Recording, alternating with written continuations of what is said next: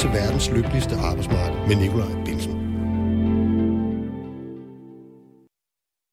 Den igangværende debat om øremærket barsel har mindet os om noget, vi måske godt vidste, men til tider glemmer. Det er ikke alle regler på det danske arbejdsmarked, vi selv bestemmer, og det er ikke alle initiativer og forslag, der var kommet uden det faktum, at vi er medlem af EU. Dertil kommer, at det indre marked, arbejdskraftens fri bevægelighed og udvikling i en række af de større medlemslande har stor betydning for dansk eksport, konkurrenceevne og økonomi. I dagens program zoomer vi derfor lidt ud, taler om lønmodtagernes Europa og hvilke udfordringer, der måske skal løses i Bruxelles, men i allerhøjeste grad påvirker Danmark. Navnlig når vi taler klimaudfordringer og den grønne omstilling, giver det naturligvis sig selv, at vi på vores små og beskedne breddegrad ikke kan redde hele verden alene. Der må forpligtende samarbejde og målsætninger til. Men mange danske politikere har blikket rettet stift uden for landets grænser. Bekymring for manglende ambitioner og meldinger hos en række medlemslande, der frygter, at den grønne omstilling får sociale konsekvenser og vil medføre et betydeligt tab af arbejdspladser. Det er en kendt sag, at statsminister Mette Frederiksen også selv har en vis skepsis, og ligefrem frygter, at vi også herhjemme kan komme til at se gule veste marchere i gaderne over stigende energiafgifter og benzinpriser, præcis som det var tilfældet i Frankrig for år tilbage. Er den bekymring velbegrundet, og hvad gør vi så for at løse klimaudfordringerne? Kan den grønne omstilling ikke også betyde skabelsen af nye arbejdspladser? Og betyder medlemskabet af EU kun irriterende indblanding i danske forhold, eller også en gedin overskudsforretning for den helt almindelige lønmodtager? Det taler vi alt sammen om lige om lidt, og til at hjælpe mig har jeg fået besøg af Dansk Metals EU-chef Johan Moskov. Senere skal vi også høre lidt om det netop overståede tyske valg, og ikke mindst konsekvenserne for vores erhvervsliv og arbejdsmarked. Vi får chefen for Dansk Industris tyske kontor, sådan et har de nemlig, Robert Pertz, med på en telefon. Velkommen til, fristes jeg til at sige, Europas lykkeligste arbejdsmarked.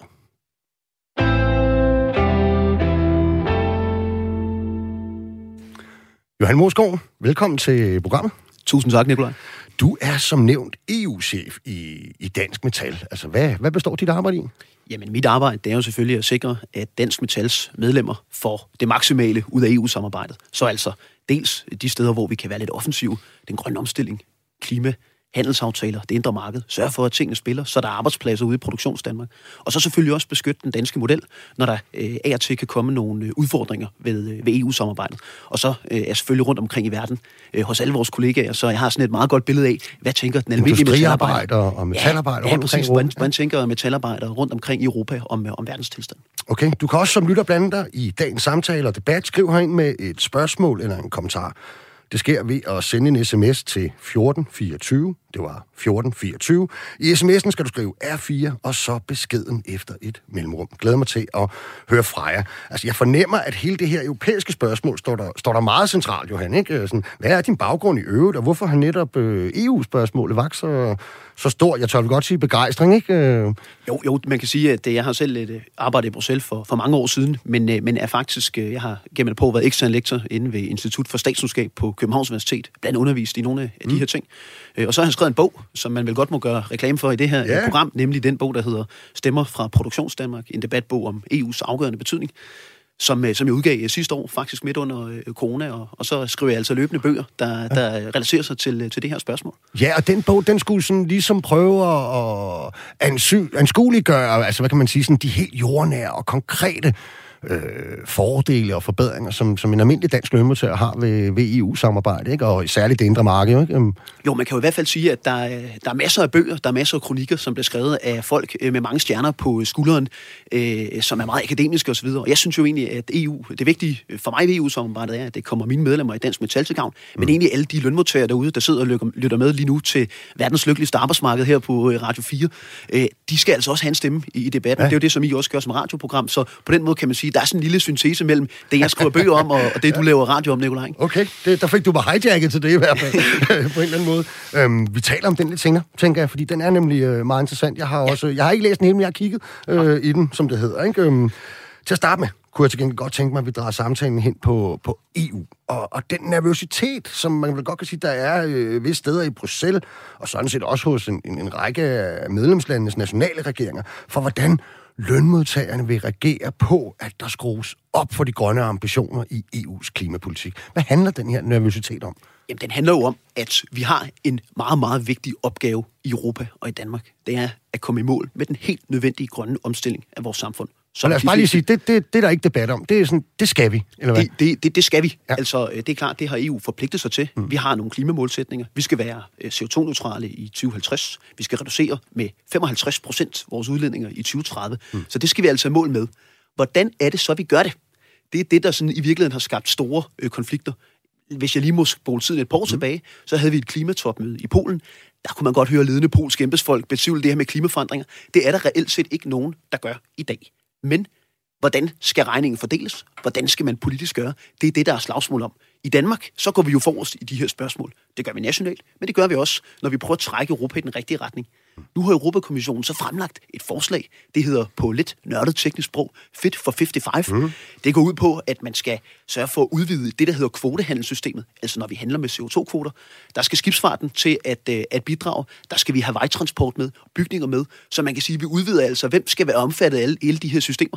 Vi skal sørge for at lave et andet beskatningssystem, så vi ikke øh, kan man sige, giver for mange gratis gaver til benzin og diesel.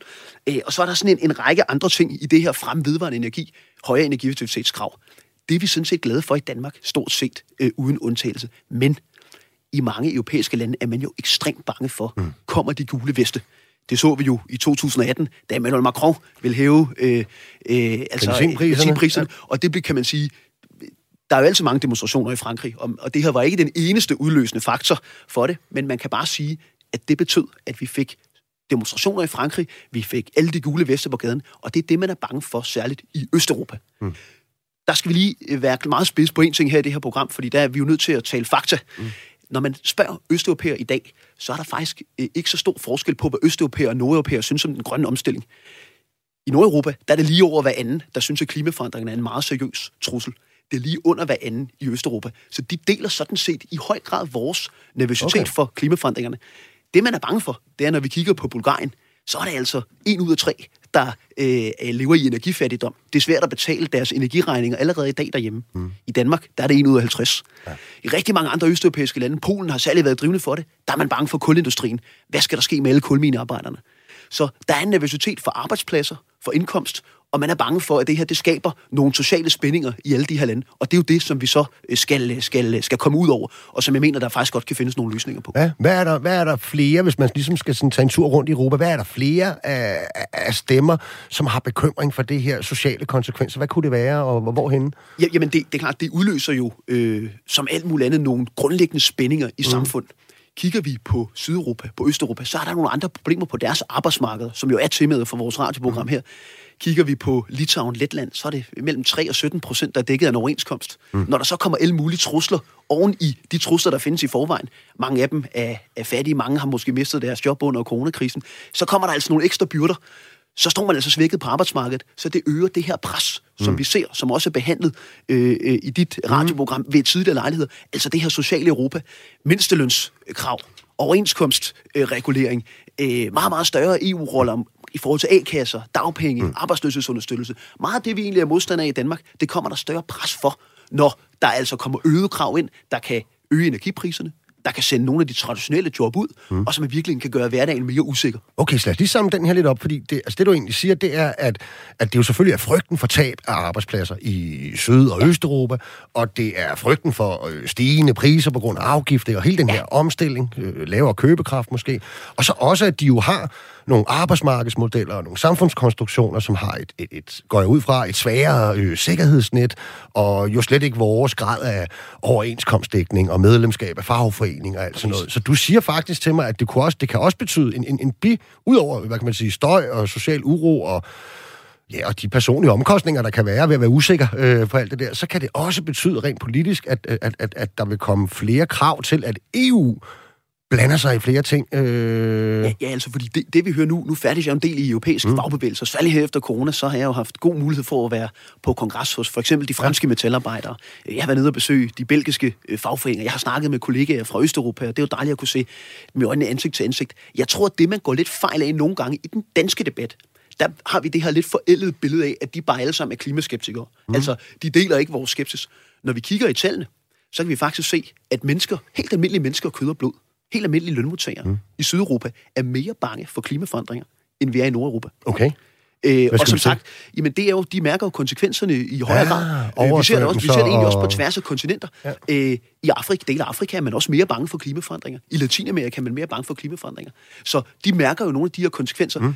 Det vi nogle gange går fejl af, det er, at øh, de her, de har bare ikke forstået, øh, hvad det handler Ja, ja. om. Det forstår de godt. Men man er simpelthen, fordi du har en så stort prekariat, du har, og det er jo selvfølgelig øh, mange fattige mennesker, mm. øh, mange mennesker uden overenskomst, mange mennesker på svage arbejdsmarkeder, mange mennesker i svage ansigter, øh, ansættelser, også mange mennesker uden for arbejdsmarkedet, mm. høj ungdomsarbejdsløshed, så er man altså ikke villig til at betale den pris. Eller man er i hvert fald usikker på, hvad bliver prisen for mig?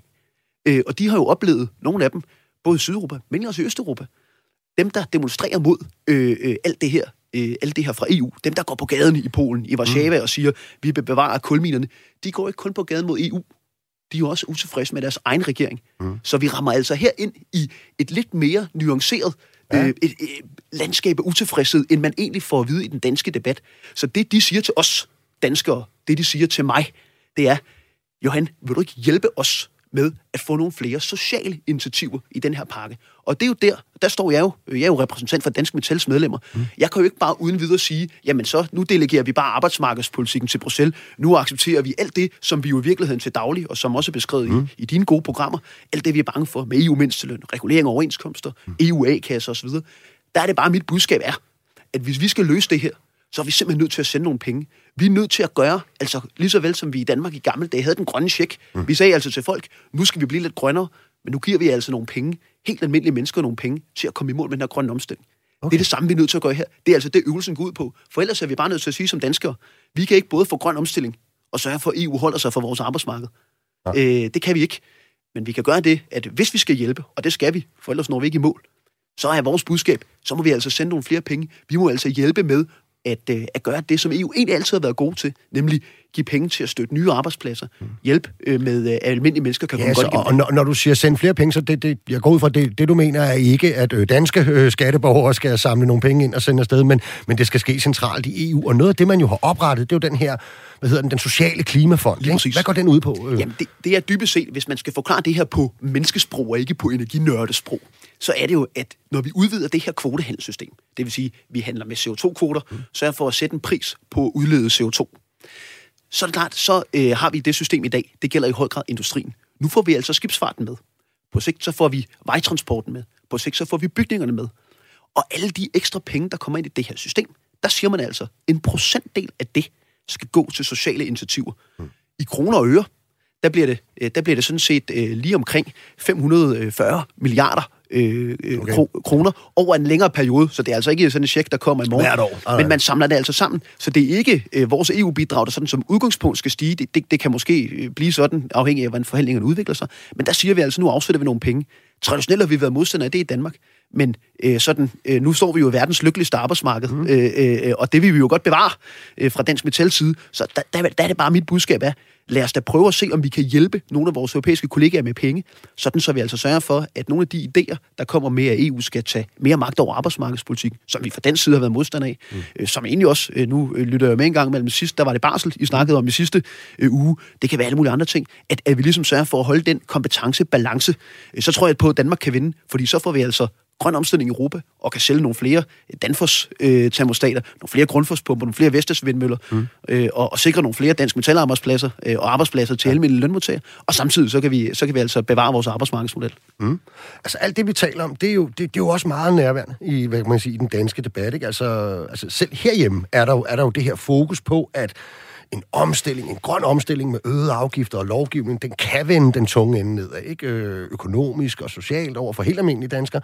Øhm, og så er der det her hensyn til nuværende, hvad kan vi kalde det, mere øh, sort industri, eller mere svinende øh, produktion, ja. Ja. var jeg næsten ved at sige. Altså, hensynet til de arbejdspladser, og deres betydning måske for et geografisk område, også i Danmark osv., øh, versus muligheden for at etablere nye grønne jobs. Altså, det, er, det strander vi ikke rigtig tit i den debat. Jo, det gør vi. Det gør vi. Og, og der er det jo vigtigt at holde fokus på, på bolden. Altså, de bedste beregninger, vi har af det her, man kan jo aldrig være 100% sikker, mm. men det siger, at hvis man laver den her omstilling ordentligt, så giver det netto 1 million ekstra arbejdspladser i 2030, og så dobler vi op og får 2 millioner. Og der er du i EU? I, øh, ja, i EU ja, ja. i 2050. Så altså 1 million i 2030, 2 millioner i 2050, hmm. hvis det bliver gjort ordentligt. Det dækker selvfølgelig over store geografiske forskelle. Hmm. Det betyder, at man særligt vil få flere arbejdspladser i industrien og i byggeriet på tværs af Europa. Men der vil være særlige regioner, der bliver ramt. Tag for eksempel Polen. De polske kulminer, der bliver det altså rigtig svært. Hmm. Så er der faktisk også del af det franske arbejdsmarked. Og det er jo et problem med de her forhandlinger. Nikolaj. Fordi er det derfor, fordi, hvad, de er meget fiskeri og landbrug? Og... Der, der, der, der er nogle særlige ting. Det er nu egentlig mm. ikke særligt øh, de sektorer, ja, okay. men, men, men der kan også være deres industrisektor, der kan være problemer. De er i hvert fald meget bekymrede for det. Mm. Og vi har jo det, at Emmanuel Macron, han er på valg i april 2022. Det besværligt gør jo de her forhandlinger enormt meget i rådet, fordi der har han altså en, på hjemmefronten en Marine Le Pen, mm. en, en Hidalgo, som er socialisternes kandidat, mm. en Xavier Bertrand og Nathalie Pécresse fra de konservative, der står og lurepasser vil Macron nu endnu en gang sælge mm. de helt almindelige franske lønmodtagere. Så det komplicerer jo det her spil. Det man så kan sige, det er, at, øh, at, at, øh, at vi har jo nogle EU-fonde i dag.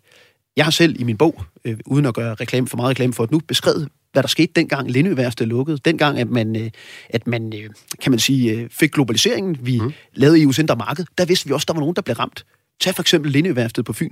De måtte lukke som følge af den internationale ja. konkurrence. De havde ikke nødvendigvis gavn af, at vi åbnede op på den helt korte bane for markedet. Men der på grund af, der havde vi altså EU's globaliseringsfond, der lige pludselig trådte til med penge. Mm. Jeg beskriver i min bog, hvordan det kunne hjælpe øh, socioassistent, eller undskyld, øh, svejseren til at blive omskolet til socioassistent. Mm. Øh, hjælpe folk videre op i værdikæden til vindmøllefabrik og alt muligt andet.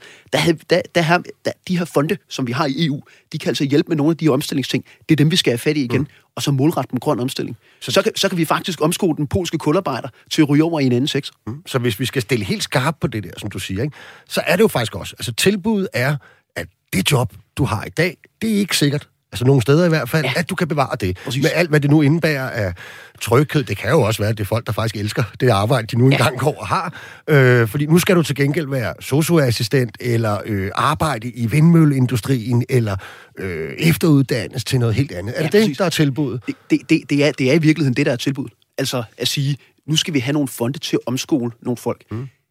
Man kan jo sige det på den måde. Mange af dem, der i virkeligheden arbejder i industrien, mine medlemmer kender, kender lidt til det her, men har, tager vi kulminerne for eksempel, jamen det er klart, at nogle af de ting, man kan der, det kan du faktisk godt omsætte på en industrivirksomhed. Det kræver bare, det, det kræver bare, at du lige bliver omskolet øh, til det rigtige. Ikke? Altså, du er vant mm. til at arbejde seriøst. Der er ekstremt meget sikkerhed ved sådan noget her. Altså, øh, sikkerhedsprocedurer i en kulmine er meget, meget vigtige, fordi mm. der, der har du altså ansvaret for både dig selv og for din kammerat.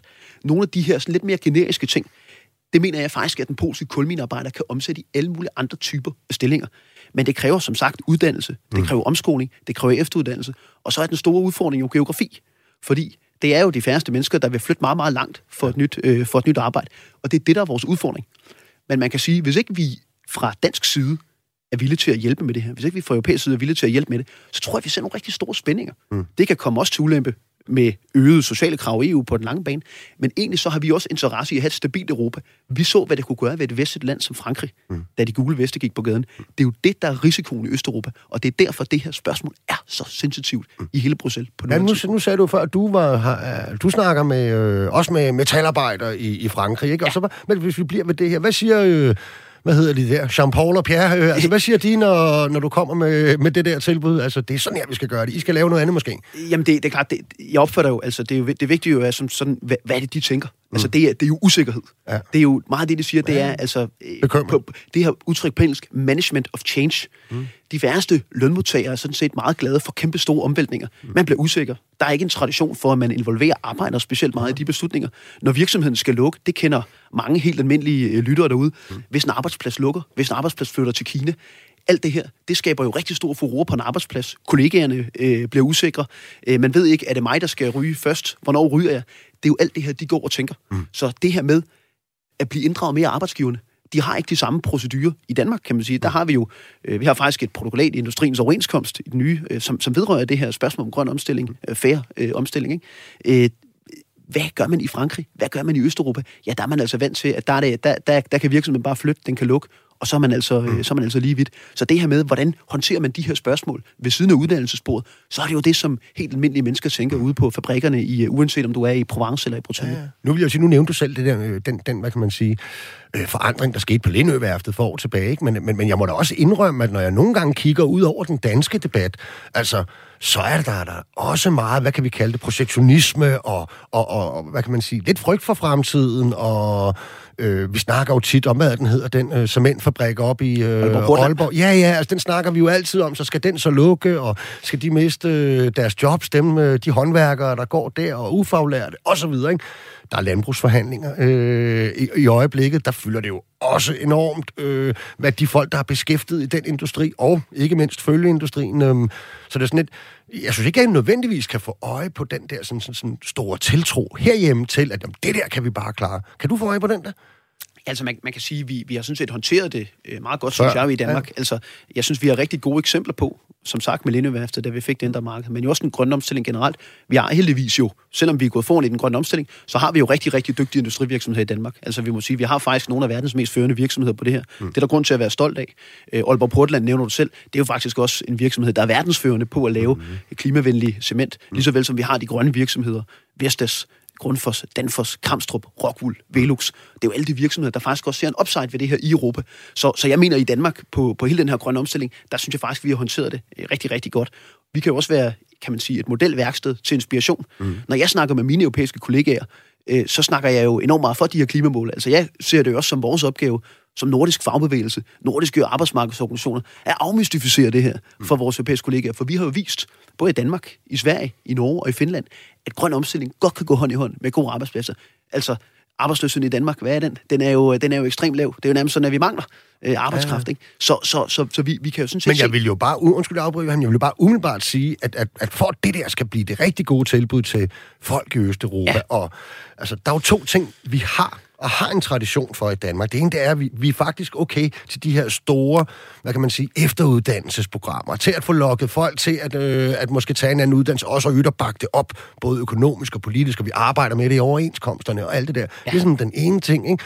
Og den anden, det er jo igen det her øh, sociale sikkerhedsnet, som ja. vi trods alt har, som altså ikke øh, er helt det samme øh, på de der kanter, ikke? Øh, jeg tænker jo bare, kan du virkelig overbevise dem, når du siger, at hey, vi lykkes med den grønne omstilling, i hvert fald en eller anden målstok, og vi er ikke så bange for den fremtid, og der er arbejdspladser i det, men, men kan du virkelig sige så sikkert til dem, at det kan I også? Jamen, altså, det, det, det, det, det synes jeg, det synes jeg sådan set går nogenlunde. Altså, som sagt, så skal vi bare huske, de er også bange for klimaforandringer mm. rundt omkring i Europa. Good der er ikke noget ja. land, der ikke er bange for, hvad der sker med, øh, med det her. Mm. Og det gælder også de helt almindelige arbejdere. Det kan vi altså se i tallene. Men de er jo bange for, om de har deres arbejde i morgen. Mm. Om jeg kan overbevise dem, Øh, det, der, det korte svar er faktisk nej. Altså, okay. den her grønne omstilling, det kommer med en pris. Og der er det som sagt, skal vi, vi kan vælge at hjælpe med økonomi, hjælpe med at støtte med penge. Men, men, men deres store krav lige nu, det er jo, at EU skal tage en større rolle over arbejdsmarkedspolitikken. EU skal til at regulere løn. EU skal til at regulere overenskomster. Vi skal underlægge alle de her arbejdsmarkedsspor øh, EU-politik. Og der er jo en kæmpe konflikt i Europa. Det her, det kan jo eksplodere i mange af de andre lande på grund af den grønne omstilling. Men min pointe er jo egentlig også, at det her kan risikere at eksplodere i Danmark, hvis vi altså sælger den grønne omstilling med den pakke, der siger, så accepterer mm. vi lige pludselig, at EU skal til at beslutte mange af de ting, der i dag ligger hos arbejdsmarkedets parter. Så risikerer vi at få det modsatte. Så kan du, øh, om ikke andet, få røde veste i Danmark. Ja. Altså, øh, så, så, så, så, så kan vi altså få folk på gaden, fordi vi jo har fra den side helt tilbage fra Maastricht-traktaten besluttet, at arbejdsmarkedspolitik, det er altså et anlæggende for arbejdsmarkedsparter. Ja. Det er ikke et anlæggende for EU. Så, så, så på den måde, så er der altså, det, det er et spændingsfyldt farvand. Ja. Derfor, der vil du også se, og det vil alle lytterne også se, over øh, over det kommende års tid, når de her forhandlinger går på, så er det spørgsmålet, hvordan skal regningen ende? Hvem ender med aben? Øh, øh, for det er vigtigt, at vi kommer i mål både i Danmark og i resten af Europa. Men jeg tror, at løsningen her, hvis man skal øh, være, lave den salmonske løsning, så er det altså, vi er nødt til at sende nogle penge. Vi er nødt til at hjælpe resten af Europa med det her. Øh, fordi så sikrer vi altså, at vi mm. kan bevare vores arbejdsmarked ja. i Danmark for høje grønne ambitioner. Okay. Det er godt for klima, det er godt for arbejdspladser. Ja, jeg tror, det er et godt råd til Mette Frederiksen, når hun er nede i, i ja. Bruxelles. Det der, ikke? Øh, så tænker jeg mere på, hvad, hvad tænker du, at hvad kan man sige, øh, hvad tænker du, at Mette Frederiksen øh, har i baghovedet, når man skal lave tingene herhjemme? Altså, tror du, der er noget af den nervøsitet, som findes i, i Bruxelles for øh, gule veste og så videre. Der går der jo rygter om, jeg ved ikke, om hun direkte selv har sagt det egentlig, men der er mange kommentatorer og folk, der ligesom skriver, at Mette Frederiksen har også en bekymring for øh, fænomenet gule veste i, i Danmark, hvis vi skruer landbrugsforhandlingerne øh, forkert sammen, og hvis vi ikke gør den grønne omstilling smart ikke? Øh, og socialt retfærdig. Øh, tror du, den ligger sådan tungt i hendes baghoved?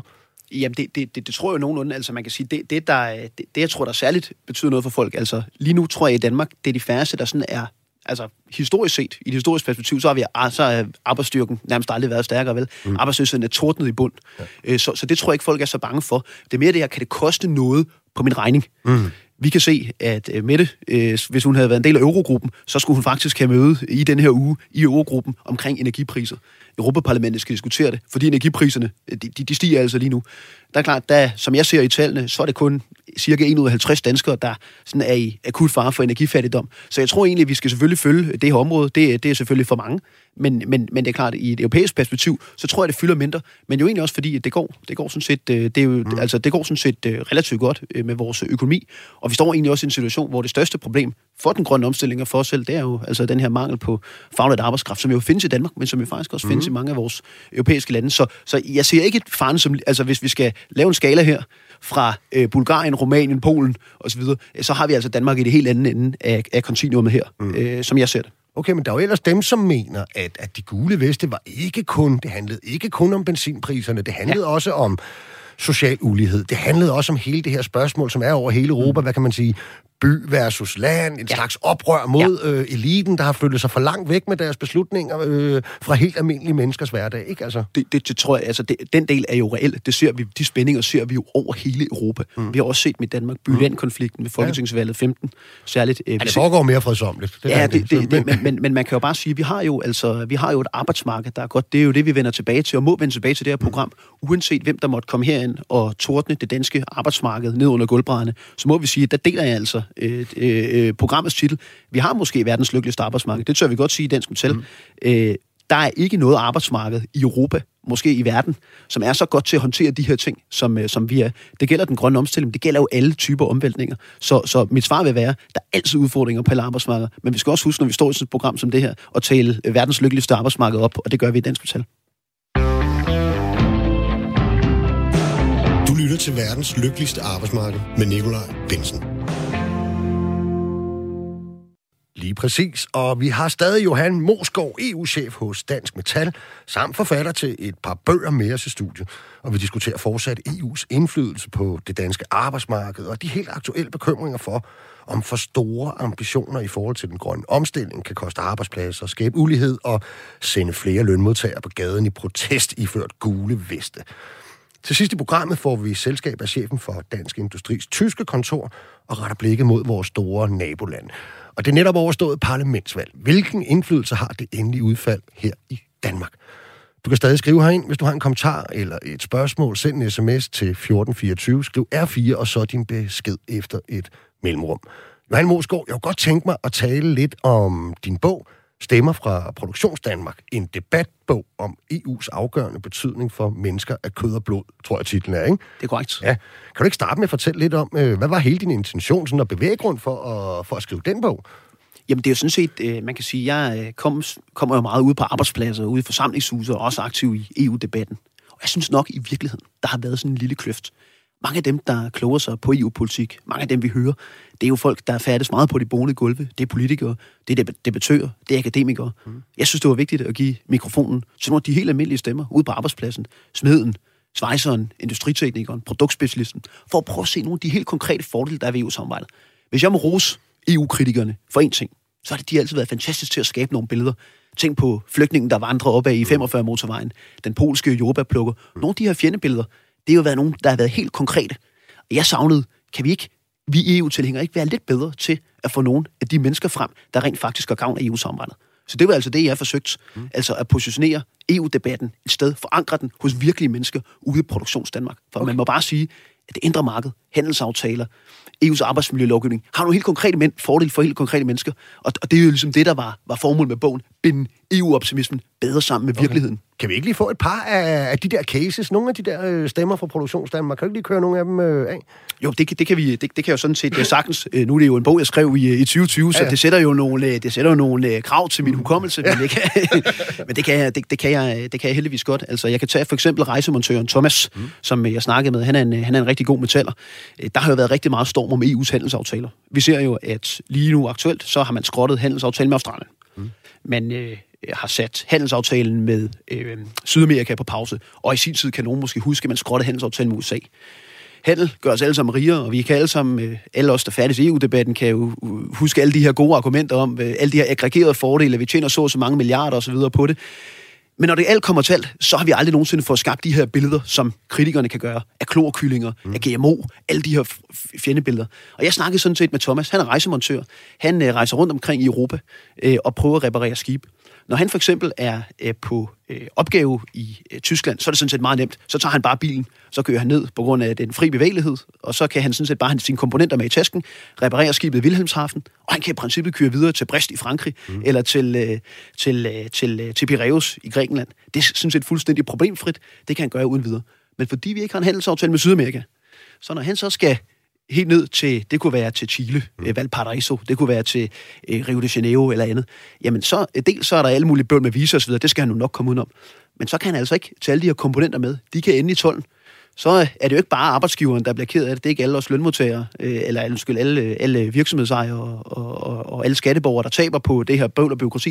Det er jo Thomas, der misser juleaften. Det er Thomas, der misser øh, datterens fødselsdag. Det er Thomas, der misser niesens konfirmation. Alt det her bøvl ved, at vi ikke kan handle frit med resten af Europa, det er jo nogle af de historier, jeg prøver at, at få frem. Fordi det her, det er jo ikke bare teoretiske ting. Det er jo ikke bare, øh, det er jo ikke bare, øh, det er jo ikke bare kroner og øre eller miljø. Det handler jo også om hverdagen for helt almindelige lønmodtagere, der øh, dels får mindre sjove arbejdsopgaver, men jo dels også, at det her det har nogle kæmpe store menneskelige omkostninger, at øh, at det skal være så bøvlet og byråkratisk at handle på kryds og tværs. Så altså, hvor mange andre har fokuseret på de her økonomiske sider, som også er meget, meget vigtige, så synes jeg også, det er vigtigt at pege på de historier om folk, der på grund af EU's handelsaftaler øh, eller på grund af handel, på grund af et indre marked, på grund af en fri bevægelighed, faktisk har nogle rigtig, rigtig store fordele i deres arbejdsliv mm. og i deres hverdagsliv.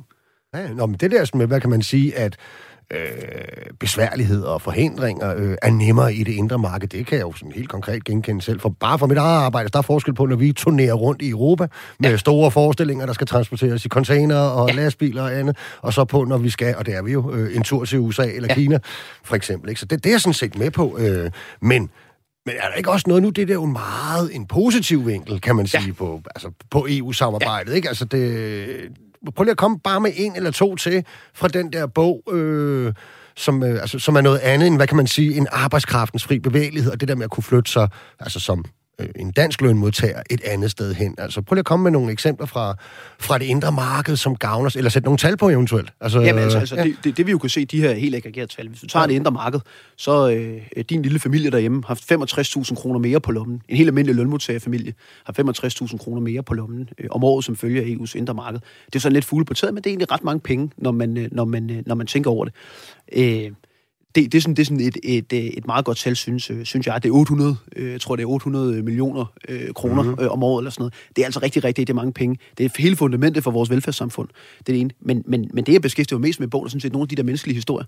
Jeg nævnte før øh, Lindeværftet, for eksempel. Mm. Altså, øh, den gang, at værftet lukkede i Munkebo. Prøv at forestille dig, her i verdens lykkeligste arbejdsmarked, hvor, hvor det var altså verdens mest ulykkeligste arbejdsmarked, vi havde dengang. Det var et værft, der rykkede. Det var 3.000 arbejdspladser i Munkebo omegn. Det var ikke folk, der lige kunne gå over og lave noget andet. Nej. Men da nøden var størst, så kom EU's globaliseringsfond til. Det er jo altså den her fond, vi har lavet for at redde nogle af dem, der nogle gange bliver udfordret af globaliseringen. Så kom man altså med en check. Man hjælp de her lønmodtagere med at flytte sig et andet sted hen i deres arbejdsliv. Jeg nævner øh, svejseren Alice i bogen, der, i, der blev omskolet til socioassistent, men egentlig også den ufaglærte servicemand Jan. Han gik og farede på lindeværftet, men på grund af alt det her, der kunne han altså ryge op i værdikæden, ryge op og blive vindmølletekniker, tjene flere penge, bevare sit job, bo, øh, hvor, han, øh, hvor han gjorde. Nogle af de her ting, nogle af de her mennesker, de var aldrig nogensinde kommet videre, hvis ikke det havde været for EU-pengene. Og hvad er virkeligheden i dag? På Lindeværftet i dag, der arbejder sådan set flere end dengang, ja. hvor værftet lukkede i 2011. Så efter min mening er det en kæmpe succeshistorie, hvad godt fagforeningsarbejde og EU-kasserne til sammen kan gøre. Det er jo et eksempel på, at den danske model og EU faktisk kan spille sammen om nogle ting. Vi hører altså om det modsatte, men der er bare rigtig mange succeshistorier, der aldrig er blevet fortalt mm. øh, om, om det her. Og det er jo ja. det, jeg synes har været vigtigt at få frem. Fordi jeg er jo ikke bare øh, ultra-EU-føderalist. Øh, e Dem findes der mange af. det kategori tilhører jeg ikke. Øh, jeg synes, at omvendt rigtig mange EU-tilhængere historisk har været for verdensfjerne. Nej, jeg forsøger sådan set bare at binde EU-optimismen lidt bedre sammen med virkeligheden ude på arbejdspladserne velvidende, at der også er folk, der er ramt negativt af det indre marked. Af ja, det, skulle jeg nemlig lige til at sige. Og, og de, de, altså... de, de, de er også, det negligerer vi jo ikke. Jeg synes bare, at vi har rigtig mange gode værktøjer i EU-kassen ja. til at hjælpe mange af de her mennesker. Men kan man ikke sige noget af det, som jo er centralt, for eksempel arbejdskraftens fri bevægelighed osv., det er jo klart, at at, at, at hele EU-systemet og, hvad kan man sige, grundkonceptet med arbejdskraftens fri bevægelighed, den rammer os vel også, og vores oplevelser er vel forskellige, alt efter hvad vi laver. Altså, det er klart, at hvis du er, har et godt job i et IT-firma, ikke, eller industrien, ikke, altså øh, gode lønning og gode arbejdsvilkår, vi oplever måske ikke så meget øh, de negative sider af arbejdskraftens fri bevægelighed, men det kan du måske gøre, hvis du er i, øh, ufaglært i servicebranchen, hvis du er øh, faglært i byggeriet, hvor mm. at, at, at det, man jo kender til, det måske er social dumping og øh, løntrykkeri, eller i hvert fald truslen om det. Og der findes jo konkrete historier på det, altså, ikke? Men, øh, men truslen, men, kan du forstå, at de tænker sådan? Det, det kan jeg ikke forstå, og jeg har også snakket med mange af dem. Og Nikolaj, der må også sige, de er vigtige. Men jeg må også bare sige, at der er en årsag til, at rigtig mange lytterne kender til de historier. Fordi der er rigtig mange historier om social dumping. Der er rigtig mange historier omkring polske jordbærplukker. Der er rigtig mange historier om de her skyggesider ved mennesker, der bliver ramt af EU. Og de historier er vigtige. Men jeg synes jo også, at mine medlemmer er vigtige. Mm. Det er også vigtigt at fortælle nogle af de positive historier, mm. der er derude. Fordi EU-opbakning i dag er karakteriseret ved nogle øh, kan man sige, lidt højtflyvende teorier og meget, meget akademiske mennesker. Og jeg synes jo bare, lige så vel som de mennesker, der måtte være ramt negativt i samarbejdet er vigtige, så er det også vigtigt, altså man kan sige helt ultimativt, hvis vi melder os ud øh, mm. for, for at gøre nogle øh, mennesker glade, øh, så klart, så vil det altså ramme mine medlemmer. Og derfor for at forhindre, at, øh, at, at for at forhindre, at, at, at vi en dag ryger ud af EU, og for at sørge for at fremtidssikre EU-opbakning, så synes jeg jo, det er vigtigt, at den ikke bare findes i klasselokalerne på RUK, ah. men at det også findes ude i frokoststuen på fabrikkerne, helt ja, ude på arbejdspladserne i Produktionsdanmark, ikke? Jo, jo, og det vi jo snakker om ude i, i frokoststuerne, det er jo også nogle gange sådan nogle emner, som Altså, det er måske ikke så teknisk øh, som arbejdskraftens fri bevægelighed. Det er jo også bare det der sådan lidt mere, hvad kan man sige, altså kulturelle måske, at nogen synes, der er rigtig langt til proces. Ja. Der er demokratisk underskud, der er øh, byråkrati og pamperi, og hvad med det der rejsecirkus, hvor parlamentet ja. skal flytte øh, ind, øh, til et helt andet land øh, hver anden måned eller uge, eller hvad det er efterhånden. Ikke? Altså, der er det jo de der historier, der betyder noget. Ikke? Og sådan det der helt simple, at mange mener, jamen vi vil bare gerne være, vi, vi er fra Danmark, og vi er danske, og vi vil gerne være herre i eget hus. Ikke? Jo, og, og den forstår jeg godt, og der må jeg jo bare sige, der, der må vi jo grundlæggende sige, der er det EU, der er i dag indrettet, synes jeg jo ret godt. Der er problemer som rejsecirkus og alt muligt andet. Men grundlæggende synes jeg jo, vi har skabt, hvis jeg tager alle de her mennesker, og nu mm. peger jeg på bogen, ja. det, øh, øh, alle dem, der render rundt ude i produktionsdanmark, så har vi fået en fantastisk deal. Vi har det indre marked, der giver os arbejdspladser. Vi har handelsaftaler, der giver os arbejdspladser. Vi har en meget mm. ambitiøs arbejdsmiljølovgivning, der giver os arbejdspladser. Og så har vi altså det her med, at dem, der bliver ramt negativt, dem har vi nogle kasser til at hjælpe. Og så har vi jo den fantastiske deal nu, hvor vi snakker arbejdsmarkedspolitik her, at vi egentlig altid sagt, at arbejdsmarked, løn, organisationsret, strækkeret, konfliktret, alt det her, det kan I jo ikke blande sig i. Det er jo derfor, vi bliver lidt sure, når de så kommer og gør det alligevel. Mm. Men grundlæggende, den pakke, vi har, vi har en masse fordele. Nu får vi også en grøn omstilling, der dels er godt for klimaet og for alle danske arbejdspladser. Så må man jo bare sige, at det EU, der er i dag, det er massivt til gavn for de ansatte i Produktionsdanmark. Det er jo mm. derfor, vi skal passe rigtig godt på det. Det er derfor, det ikke skal udvikle sig i den forkerte retning. Mm. Men det er derfor, at jeg grundlæggende synes, at hvis vi tager alle de lønmodtagere, som jeg repræsenterer Dansk Metal, så er EU faktisk en rigtig god forretning, så længe de også husker at blande sig væk fra arbejdsmarkedet. Ja, ja. Og det er jo faktisk sådan, at her, øh, her for nyligt er der jo, hvad kan man sige, lavet, lavet målinger, og, og rent faktisk er, er opbakningen til EU ja. herhjemme jo faktisk øh, historisk høj, ikke, så vidt ja. jeg forstår det. Og, og man må jo faktisk sige, at vi har jo faktisk vi er jo et land med en vis tradition for en stærk øh, modstanderfløj, øh, ja. nogle tidligere i hvert fald stærke folkelige bevægelser. Øh, vi er et af de lande, hvor at, at de altså har vundet afstemninger, folkeafstemninger, decideret, ikke? Øh, altså, hvad, hvad, hvad er din forklaring på, at, øh, at opbakningen til EU er, er stedet herhjemme? Det kan, det kan sådan set det, det kan sådan sige meget klart. Det er på grund af Brexit. Det er, at når vi ser det kaos, der har været først i deres udspil sig i det der parlament, altså det der fuldstændig Game of Thrones-agtige teater, der foregår med Johnson og speakeren, der sidder og råber order, order, order. Mm-hmm. Og efterfølgende det her med, at vi ser tomme varelager, tomme supermarkeder, lastbiler, der holder i lang køer. Det er der ikke nogen, der ønsker. Det, mm. det er sådan set et ret godt skræmmebillede. Det havde britterne ikke selv før. Hvis de havde set alt det, der kom, så tror jeg aldrig, de havde stemt sig ud. Så på den korte bane, så er vi home safe, så længe britterne øh, øh gør det så dårligt og har alle de udfordringer, de har. På den lange bane, og det er jo derfor, jeg har skrevet den her mm. bog, der, der er jeg jo mere bekymret. Fordi danskerne har tabt EU-afstemninger, eller Danmark, vi har, mm. vi har tabt EU-afstemninger. Vi gjorde det i 92, vi har gjort det i de sidste tre årtier. Ikke? Mm. Først med Maastricht, så gjorde vi det med, øh, med euroen, mm. og så retsforbeholdet. Og hvis der kommer en afstemning til, så er jeg nu også ret overbevist om, at, at vi godt kunne risikere at tabe den igen. Så det er bare prøve at sige, og det er særligt en opsang til et, min medtilhængere af EU. Det er sagt af et kærligt hjerte.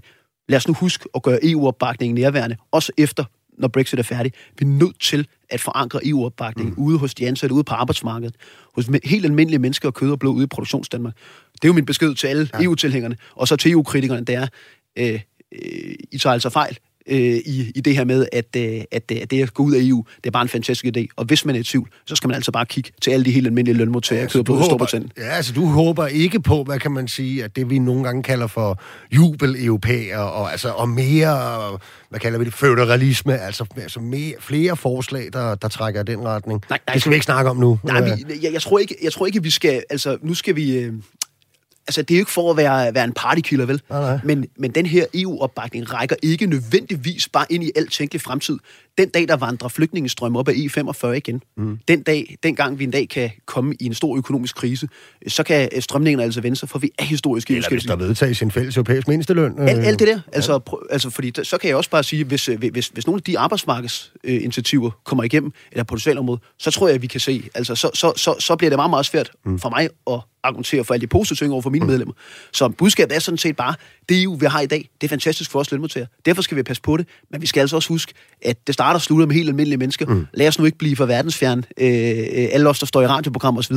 Det handler om, øh, om helt almindelige mennesker. Okay. Johan Moskov, EU-chef i Dansk Metal. Det har været rigtig spændende at være en tur med rundt i Europa, såvel som i Produktionsdanmark. Nu var det planen at, øh, at zoome endnu mere ind på sådan et helt særligt område af Europa, nemlig vores store nabo Tyskland der jo netop har været til stemmeugerne. Du er frisk på at blive, blive hængende, ikke, for at høre lidt og give dit besøg med om det jo, også? naturligvis. Yes. For jeg skulle meget gerne have med mig på en telefon Robert Pertz, som er chef for Dansk Industris tyske kontor. Hej Nikolaj og hej Johan. Hej Robert, velkommen til programmet. Hvordan er, hvordan er stemningen i dansk erhvervsliv her oven på det tyske valg? Jamen, øh, der er jo... Øh, det tyske valg har jo selvfølgelig øh, fået utrolig meget bevågenhed, og det skyldes jo også, at øh, vi jo har 10.000 virksomheder og 115.000 medarbejdere, som eksporterer til, øh, til Tyskland. Og afhængig af, øh, af de tyske forhold og de rammebetingelser, som øh, gør sig gældende hernede. Så valget er jo blevet fuldt med meget stor interesse fra dansk side af, og det, øh, det synes jeg jo kun er begejstrende. Mm. Altså, det endte jo med en knepen sejr, kan man vel godt kalde det, ikke? Altså til de syske socialdemokrater. Øhm, ja. Ja, altså, og, og, nu, nu udlægger jeg bare lige teksten, ikke? Så, så regner jeg med, at du, øh, du ved mere om det end mig i hvert fald, ikke? Men, men talen var vel lidt, at, at, at, at yderfløjene, altså øh, de linke kom knap ind. Øh, FD var, altså fik jo ikke noget prangende valg. Øh, de to gamle store folkepartier øh, blev mindre, end de har været tidligere, selvom Socialdemokraterne lavede et comeback og vandt øh, valgkort. Og de to tidligere mindre partier er vel mellemstore partier nu, ikke? FDP og, og De Grønne, ikke? Øh, er det sådan nogenlunde sådan valget øh, ser ud? Jamen, jeg tror også, at det er, det, det er sådan, at den uh, fremtidige tyske regering den sætter sig sammen hen over midten.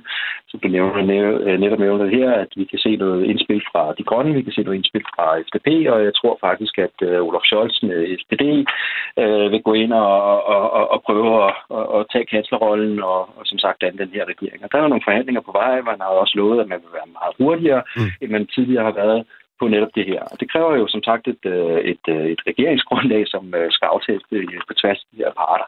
Og det er jo det, der er meget interessant i Tyskland. Jeg tror selvfølgelig også, at vi har det i andre lande, men, men, men i Tyskland er det jo ekstra grundige. Man tegner det her regeringsprogram, og, og så følger man det faktisk også meget slavisk. Og det er jo igen noget, der kommer til at gribe ind på forskellige områder, mm. som danner de her rammebetingelser, som, som vi synes er interessante for dansk synes på i dag, interessante for vores medlemsvirksomheder. Og der kigger vi især på, jamen, hvad er egentlig skatten, hvad er erhvervs erhvervsskatten, hvad er udbuddet af arbejdskraft, øh, kommer der en, en, en dialog omkring mindsteløn. I Tyskland har man jo mindsteløn, men Olaf Scholz øh, har jo i hvert fald også været fremme og sige, at han godt kunne tænke sig at mm. hæve den her mindsteløn. Øh, og det kan der jo være øh, forskellige årsager til, men i hvert fald er det også et godt og stærkt arrangement til netop også at få flere øh, i gang øh, på det tyske arbejdsmarked, fordi ligesom i Danmark øh, begynder vi jo at se, at øh, der er i visse brancher faktisk øh, katastrofal mangel på, øh, på, på arbejdskraft, okay. man skal hæve det her udbud, og det tror jeg faktisk i Tyskland handler det meget om, at jamen, så skal man faktisk også gøre det mere attraktivt, derfor skal øh, minimumlønnen øh, hæves. Okay, og lad os bare blive ved det konkrete øh, altså, forslag, kan man sige. Hvad vil det for eksempel betyde for vores samhandel, altså for, for, for, øh, for, det, for det danske erhvervsliv, hvis, øh, hvis man får held til at, øh, at hæve mindstelønnen i, i Tyskland? Jamen altså set bilateralt, så kan vi sige, at vi har jo i Danmark øh, jo et højere lønniveau. Mm. Øh, så vi vil jo ikke se en udvandring af dansk arbejdskraft til, til Tyskland. Vi har flere af vores medlemmer, som jo øh, lægger dele af deres produktion øh, til Tyskland. Mm. Og, øh, og der er det jo meget vigtigt, at, at de her virksomheder også klarer sig godt i det marked. At de klarer sig godt øh, lokalt og regionalt og har muligheden for at ansætte øh, lokal arbejdskraft. Øh, det kommer til at gavne det danske samfund uanset hvad. Okay. Så hvis det er sådan, at man kan tiltrække arbejdskraft til en dansk virksomhed, der ligger i Bremen eller i Mecklenburg-Vorpommern, og at det, øh, og de derigennem faktisk øh, kan lægge meget mere øh, tryk på jamen, øh, og afsætning på, øh, på, på, på, øh, på deres produkter tværs henover både Danmark og Tyskland og europæisk og internationalt, hvis vi nu tager den betragtning, jamen så tror jeg faktisk, at det gavner øh, vores medlemmer og det danske samfund øh, ganske, ganske godt. Okay. Men jeg har faktisk lige været i, i, i Hamburg for, øh, for et par uger siden, ikke? Og, og der fik jeg jo genopfrisket noget, jeg godt vidste fra før corona, at, at det stort set er nemmere at få en aftale med paven, end at få lov til at betale med kreditkort, når man øh, ligesom er ude og spise og gå rundt omkring. Ikke? Jeg har tidligere ja, også... ja, og jeg har altså øh, for, for få år siden også, der var jeg så heldig at få aflyst en, en koncert, jeg havde øh, bestilt øh, ned i Berlin, og for, for at få pengene tilbage, så skulle jeg printe billetten ud, lægge den ned i en kuvert og sende den fysisk til et eller andet kontor, som så sørgede for, at øh, mine penge kom ind flere måneder efter. Ikke? Altså, det er, jo, det er jo praktisk talt et uland, altså på digitalisering i Tyskland. Ikke? Og hvad tror I, at sådan... Det var jo et af temaerne under valget, ikke? Altså, det var jo det her digitalisering. Og så er der selvfølgelig det andet, det den grønne omstilling. Ikke? Og hvis vi kigger ind i Tyskland, der sandsynligvis bliver mere digitaliseret og bevæger sig i en grønnere retning, hvad kunne det så betyde for danske virksomheder og, og lønmodtagere? Vi, vi skal skille det lidt ad, fordi okay. øh, helt, helt, helt den der digitaliseringsagenda, der handler jo rigtig meget om, at øh, tyskerne generelt har haft en, en vis form for angst, dataangst. Mm. Det øh, ligger meget tilbage, men coronapandemien har gjort, at, at de faktisk er blevet mere åbne over for, at jamen, det er lidt nemmere at kunne sende en lægeerklæring øh, elektronisk frem for at skulle gå ned hos lægen øh, under coronapandemien øh, og få stukket et, et stykke fysisk papir i hånden. Mm. Eller når lægen har taget forskellige øh, hvad hedder det, pudninger og test, øh, han så skal faxe resultatet ind til det centrale sundhedsvæsen. Det er jo, det er jo ting, de har fundet ud af, hov, det dur ikke. Så det, hele den der digitaliseringsbølge, som, øh, som, som vi satser på, den, den, den, øh, den kan man godt fornemme, at også en tysk øh, kommende regering vil, vil, øh, vil helt sikkert have nogle reformer, som bærer i den retning af og peger i den retning af, at der skal ske noget på den digitale side. Øh, de mange ting er jo i gang, men det er som om, at øh, det har været rammebetingelserne og, og borgerens brugerens angst for at bruge det digitalt fuldt ud, som har ligesom har forhindret at gennemføre en, en, en, en gennemgribende digitaliseringsproces i Tyskland. Det kommer nu. Det bliver mm. et vækstmarked, og det bliver et vækstmarked, som, øh, som, som øh, blandt vores medlemmer i dansk industri, men også andre, øh, kommer til at nyde rigtig, rigtig godt af, fordi vi har noget ekspertise på det område. Ja, vi er at sige. Ja. digitaliserede lande, og tyskerne er ved at få øjnene op for, at der er altså nogle lande øh, op nordpå, som, som rent faktisk kan finde ud af det her, og vi kan godt tale med, øh, med, med danskerne. Selvfølgelig er der også andre lande, der inspirerer, men grundlæggende super interessant problemstilling, som det er inde i. Hvis vi tager den grønne omstilling, mm. så er det jo noget helt andet, fordi den grønne omstilling handler jo utrolig meget om energi. Og øh, som industrination i Tyskland, eller industrination som Tyskland jo er, så har de et enormt behov for forsyningssikkerhed i, øh, i strøm og, og varme. Og de to ting er jo noget, vi kan levere teknologier til, men vi kan faktisk også levere selve strømmen. Altså, vi har jo, øh, hvad hedder det, vores energiøer, mm. øh, som, som, som helt klart på et eller andet tidspunkt vil være udbygget så meget, at vi også kan forsyne øh, Tyskland ganske rigeligt på det. Det er tyskerne også opmærksom på, så der kommer vi også til at opleve et, øh, et, øh, et eksporteventyr øh, på den lange bane. Mm. Øh, vi eksporterer i dag energi og energiteknologi for cirka 8 et eller andet med 8-10 milliarder mm. om året, og det svinger lidt alt efter, hvor mange vindmøller vi nu får, får, får placeret hernede i det tyske. Øh, men på sigt kan vi helt klart øh, komme op og fordoble øh, det her beløb, hvis vi hvis vi, hvis vi satser på, at det er det, uh, energien i sig selv, tyskerne gerne vil have, den tyske industri gerne vil købe, så er det super, super fint. Og det er der også dialog omkring på øh, et eller andet politisk niveau, det skal jeg slet ikke være i, for jeg har det jo kun den kommersielle betragtning. Men den anden ting, som er interessant, det er jo, at hvis vi kigger på, uh, på den tyske industri og hvordan den er sammensat, så er 25 procent af den tyske industri jo faktisk bilindustrien. Mm. Direkte og indirekte. Og den bilindustri står over for en enorm omvæltning. Det ved vi jo i Danmark. Øh, har vi, øh, ligesom vores norske brødre, været gode til at tage elbilerne til os. Det er tyskerne som sådan ikke, men de føler jo også, at der er et verdensmarked, som de skal kunne levere til. Og der har de stået stampe. Der har de ikke rigtig kunnet finde ud af, hvad det, hvad det egentlig, vi skal. Så at hvis vi kigger på, på bilindustrien isoleret set, så kommer der en omstilling. Den omstilling har meget stor indflydelse på de typiske danske industrivirksomheder, som er underleverandør til bilindustrien i Tyskland. Mm der skal vi være opmærksomme. Mm, okay. Der skal vi gøre noget. Lad os lige få øh, EU-chef i Dansk Metal, øh, Johan Mosker. Det er jo jeres medlemmer, der, øh, der sådan set arbejder ja. der. Hvordan ser I det hele taget på, på det Tyskland? Hvad er opmærksomhed Jamen, jeg, jeg, jeg tror, øh, som, som altid her, er vi, er vi sådan set nogenlunde overordnet set enige med, med det, der kommer her fra dansk industri. Det, der, hvor vi i hvert fald øh, lægger meget vægt, det er jo nok på hele den her, øh, ikke bare digitalisering af Tyskland, men særligt øh, det her med, hvor mange robotter kan vi få mm. ind i den tyske industri. Det vi godt kan være nervøse for, det er jo, at når vi ser på Tyskland, så er det jo som samhandelspartner. Men det er jo egentlig også som, at, at nogle gange så konkurrerer Tyskland jo med amerikanere og kinesere øh, ude på det store verdensmarked, hvis sådan skal tage de helt globale briller på der kan vi godt være nervøse for, om der er nok robotter i Europa helt generelt, om der er nok automatisering, særligt i Tyskland. Fordi i dag der er det sådan, at en tredjedel af verdens robotter står i, i Kina. Mm. Når vi ser på investeringerne i kunstig intelligens, øh, så tror jeg, de, altså i, i forhold til EU-tal, så er de altså 10 gange større i, i okay. USA, lidt større end Kina. Og det er jo altså sindssygt vigtigt, for vi skal jo ikke mm. konkurrere med resten af verden på at have øh, de laveste lønninger. Vi skal konkurrere på at have den bedste øh, mm. teknologi. Og der er Tyskland jo vores fyrtårn. Og hvis ikke hvis arbejdspladserne forsvinder fra Tyskland i industrien, øh, så er vi på den i Danmark, fordi vi har så mange underleverandører. Mm. Der går altså rigtig mange dygtige metaller rundt. Det er smeden, det er mm. svejseren, det er industriteknikeren. Mm. Så derfor hele den her, øh, det her med at få robotiseret Europa, der er gode tanker om det i Europakommissionen, men øh, nu skal, kan man sige, ambitionerne er gode for Olaf Scholz, ambitionerne er gode fra mange af de partier, der kan indgå i en koalition, men de skal altså føres ud i livet, og ikke bare kun øh, i IT-virksomheder. Det skal helt ud arbejde i industrien, okay. sådan så vi kan holde arbejdspladser på europæiske hænder og danske Alright. hænder. Alright. Er det en øh, bekymring, I, øh, I deler i dansk industri, øh, Robert Pertz? Jeg er fuldstændig enig med, med Johanna. Det er vigtigt, at vi har øh, hvad hedder det, arbejdspladser i spil. Det er jo trods alt det, der bidrager til, øh, til, øh, til det danske samfund. Øh, rammebetingelserne for virksomheder er jo også interessant at kigge på. Jeg har jo altid haft den holdning, at øh, opkvalificering af, af arbejdskraft, øh, det er noget, vi har været meget, meget dygtige til i, i Danmark. Måske er tyskerne lidt øh, bagud på det punkt også.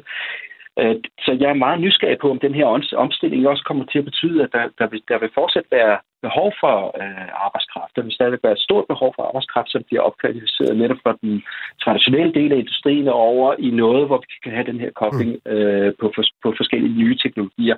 Hvis vi tager øh, bilindustrien, øh, for at vende tilbage til den, øh, så er det jo nye komponenter, der skal produceres. Og øh, tyskerne er jo, øh, er jo som regel meget omstillingsparat, men de er bare ikke så hurtige til at omstille produktionsapparat. Mm. Så mange af deres øh, typiske tyske underleverandører, jamen de står faktisk øh, også øh, lidt i stampe og ved ikke rigtigt, jamen skal vi producere tandhjul og gearkasse, eller skal vi over og producere øh, komponenter til, til batterier og elmotorer. Og der tror jeg faktisk, at, øh, at, at vi i Danmark har det et fordel, at vi er mere omstillingsparate til netop at kunne lægge vores produktion mm. øh, væk fra tandhjulene og gearkasserne over til at, at lave de samme øh, fantastiske og højkvalitative øh, komponenter, men som skal bruges til en elbil. Og det, det er også et vækstmarked, vi skal holde øje med. Jeg synes helt klart, at, at, at, at hvis man er en dansk industrivirksomhed, så skal man holde sig for øje, at det er en udvikling, man er inde i, mm. og at man kan bidrage på eksportmarkedet med øh, innovation og ekspertise. Stadigvæk bibeholde arbejdspladser. Jeg håber, Johan, du er enig med mig i det Jamen, det er, det, det, er, det, er, sådan set øh, helt klart øh, overordnet. Det er vigtigt, tror jeg, bare at sige ganske kort her til sidst. Tyskland mangler også 400.000 øh, faglærte. Det har øh, formanden for den tyske arbejdsmarkedsstyrelse sagt her. Mm. Så det sætter altså, det viser noget af det pres, vi har i Europa over i Danmark lige nu. Mm. Det er sindssygt vigtigt, at vi får flere faglærte. Det er en dansk udfordring, det er en europæisk udfordring, for der skal være øh, de rigtige antal hænder. Og der tror jeg, det er en udfordring, som, som jeg håber, vi kan løse dansk og europæisk, sådan så vi får flere industriteknikere, svede, smede, svejsere og alle de her gode folk til at hjælpe den helt nødvendige grønne og digitale omstilling af Danmark, Tyskland og Europa i mål. Okay, spændende. Robert Pertz, chef for Dansk Industris tyske kontor. En stor fornøjelse at have dig med i programmet, og tak fordi du ville deltage. Tak og i lige måde. Hej.